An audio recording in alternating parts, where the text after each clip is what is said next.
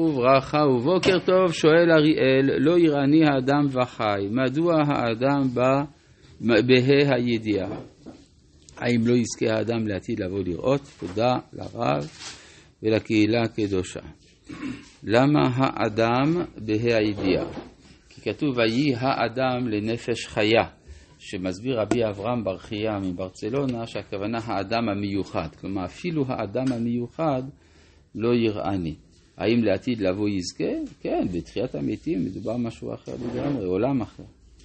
טוב, אנחנו בפרק ל"ד והתחלנו את פסוק א', ויאמר השם אל משה, פסול לך שני לוחות אבנים כהראשונים, וכתבתי על הלוחות את הדברים אשר היו על הלוחות הראשונים אשר שיברת. אז הסברנו שיש כאן יסוד של שותפות של האדם במעשה נתינת התורה. בעוד שבלוחות הראשונים הקדוש ברוך הוא הוא זה שעושה את הכל, הלוחות מעשה אלוהים המה וגם המכתב, מכתב אלוהים הוא, חרוט על הלוחות, אם כן אין לאדם מגע עם תורה אידיאלית מוחלטת אלוהית, ואילו כאן יש שותפות של האדם, וזה היסוד של התורה שבעל פה, שהיא תורה מן השמיים, אבל לא בשמיים היא. כלומר, היא עוברת דרך בית המדרש, וזה משהו מיוחד לסגולתם של ישראל. כן, ואצל האומות הם מקבלים את התורה בתור אה, תוכן עליון, אבל לא שהאדם שותף. ואילו אצלנו מתברר שגם האדם שותף בהתגלות. עכשיו, מעניין, יש, אה, העיר לי הרב בוחבוט אתמול, שזה היה לפני שהייתה הסליחה הסופית לעם ישראל. זאת אומרת שהרעיון שיהיו שני סוגי לוחות זה רעיון שמלכתחילה קיים בתוכנית האלוהית. יש תורה אידיאלית ותורה מעשית, בכתב ובעל פה. והיה נכון לבוקר. ועלית בבוקר אל הר סיני וניצבת לי שם על ראש ההר.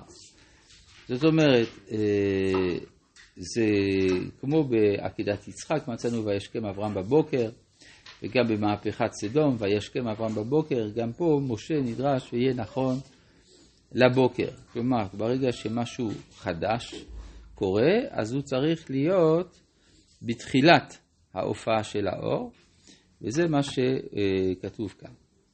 ואיש לא יעלה עמך. וגם איש אל ירא בכל ההר, גם הצאן והבקר אל יראו אל מול ההר ההוא.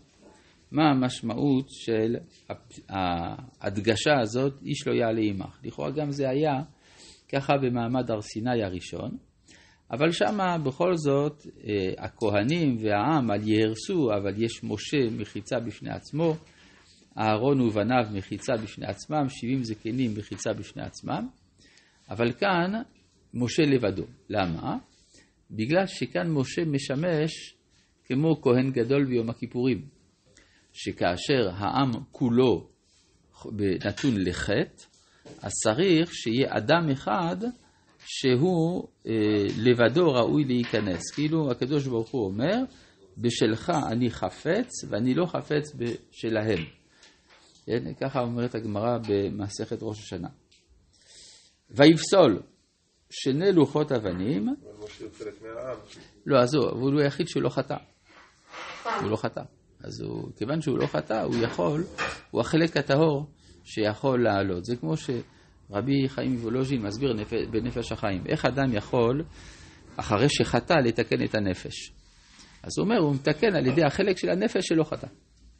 כן, הרי בכל אדם, בישראל יש תמיד איזו נקודה שנשארה בטהרתה, ועל ידי ההתחברות של האדם אל הנקודה הטהורה שלו, אז הכל מתעלם. אז גם פה, משה הוא הנקודה הטהורה של האומה. ויפסול שני לוחות אבנים. כן. הצאן והבקר. זה כאילו כמו להבדיל, כן, מצאנו בעמלק, גם כן, שלא יאמרו בהמה זו של עמלק הייתה, לכן גם מחרימים את הבהמה. אז גם פה, כיוון שמדובר על החטא, אז כל מה ש... כל בני ישראל וכל מה ששייך להם. כן, מבחינת זה שהרכוש של האדם הוא חלק מהאדם. כל, כל הנוטל פרוטה מחברו, כאילו נוטל את נפשו. כן. ויפסול שני לוחות אבנים כראשונים, וישקה משה בבוקר, ויעל אל הר סיני, כאשר ציווה השם אותו, ויקח בידו שני לוחות אבנים, וירד השם בענן, ויתייצב עמו שם, ויקרא בשם השם. זאת אומרת, אה, כאן נעשתה, אה, הוא נענה על בקשתו של הודיעני נא את דרכיך. כן? כלומר, משה ביקש להיות המנהיג של העם ולא המלאך, כלומר, משה סירב לקבל את ההנהגה של המלאך, לפחות המלאך הזוטר, ולכן משה הציע את עצמו בתור מלאך. ולכן הוא גם היה צריך לדעת, הודיעני נא דרכיך, וראה כי עמך הגוי הזה. אני צריך לדעת כיצד מנהיגים את האומה, על פי איזה מידות. אז על פי מידותיו של הקדוש ברוך הוא, כך ראוי גם למנהיג להנהיג את האומה. כך מסביר הרמב"ם ממורה נבוכים, שמנהיג המדינה, כשהוא מנהיג את, ה, את אומתו, הוא צריך לעשות את זה בדומה להנהגה האלוהית את העולם, שזה מידות הרחמים, 13 מידות של רחמים, אלא שיש לנו אה, 13 דעות איך לספור את 13 המידות. כן? כן? הוא היה 40 יום ו-40 לילה, הוא היה כן. הכי קרוב לקדוש ברוך הוא מכל אה, ידיד. נכון, זה נכון. אה, אז הוא כבר, ברגע שאדם ליד, הוא הכי קרוב לקדוש כן, ברוך הוא. כן, אבל על מה מדברים שם? כלומר, בסדר, אתה קרוב למישהו, אתה צריך שיהיה על מה לדבר. אז על מה יש לדבר? 13 מידות. עכשיו, יש לנו שאלה באמת איך לספור את 13 המידות. יש 13 דעות, והרמב"ם, במורה נבוכים אומר ש-13 המידות זה 12 מידות של רחמים ואחת של דין.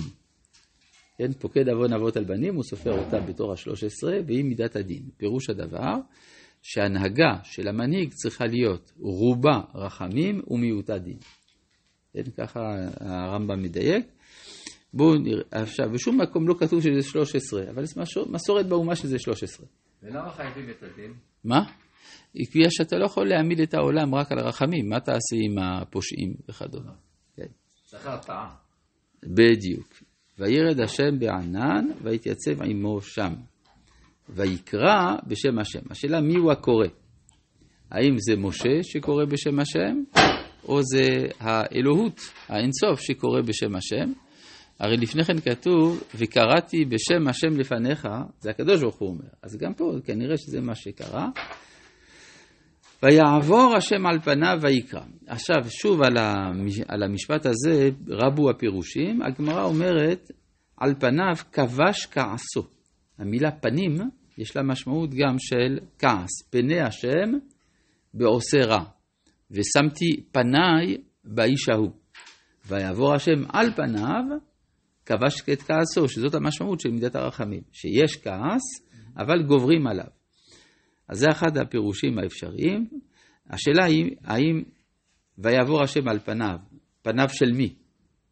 אז יש, הרמב"ם בעצמו מביא שני פירושים אפשריים. או הפנים של הקדוש ברוך הוא, או הפנים של משה. כן, כלומר, אפשר, הכתוב נתן אפשרות להבין כמו שניהם. זאת אומרת, זה לפעמים הפסוקים כתובים באופן כזה, שזה סובל מספר משמעויות, כי כנראה כוונת הכתוב כל המשמעויות. נכון, זו הערה נכונה מאוד. כן, אז זה מה שקרה, ויבוא השם על פניו, על פני עצמו, או, כלומר, מה זה על פני עצמו? הכוונה שהוא מסתיר את עצמיותו. או על פניו של משה, כלומר שהוא מגלה למשה, ויקרא. השם השם. עכשיו, אה, זה דבר מאוד מעניין, שם הכפול הזה. מה זה השם? השם. כן, למה פעמיים? יש גם פסק בין שניהם. אז גם מצאנו את זה גם אצל הצדיקים, אברהם אברהם, יעקב יעקב, משה משה, שמואל שמואל. אז זאת אומרת, מדובר על uh, התאמה, התאמה בין שתי מדרגות שלכתחילה היית אומר שהן שונות. למשל, אצל אברהם אברהם, יש התאמה בין הנפש של אברהם לבין הנשמה של אברהם. האם יכול להיות שהראשון כן. זה אה, בוא נגיד רחמים והשני בדין? או או משהו דומה לזה, כן. הכוונה חז"ל אמרו מה זה השם השם לפני החטא ואחרי החטא, אבל אחרי תשובה. זאת אומרת, אה, זה קשור לסוגיה של מי יותר גדול, צדיק גמור או בעל תשובה. ופה יש השוויה בין שניהם. כן, השם לפני החטא, השם אחרי החטא, אבל עשה תשובה, אז השם, השם. אלא שיש פסק ביניהם. רבי חנניה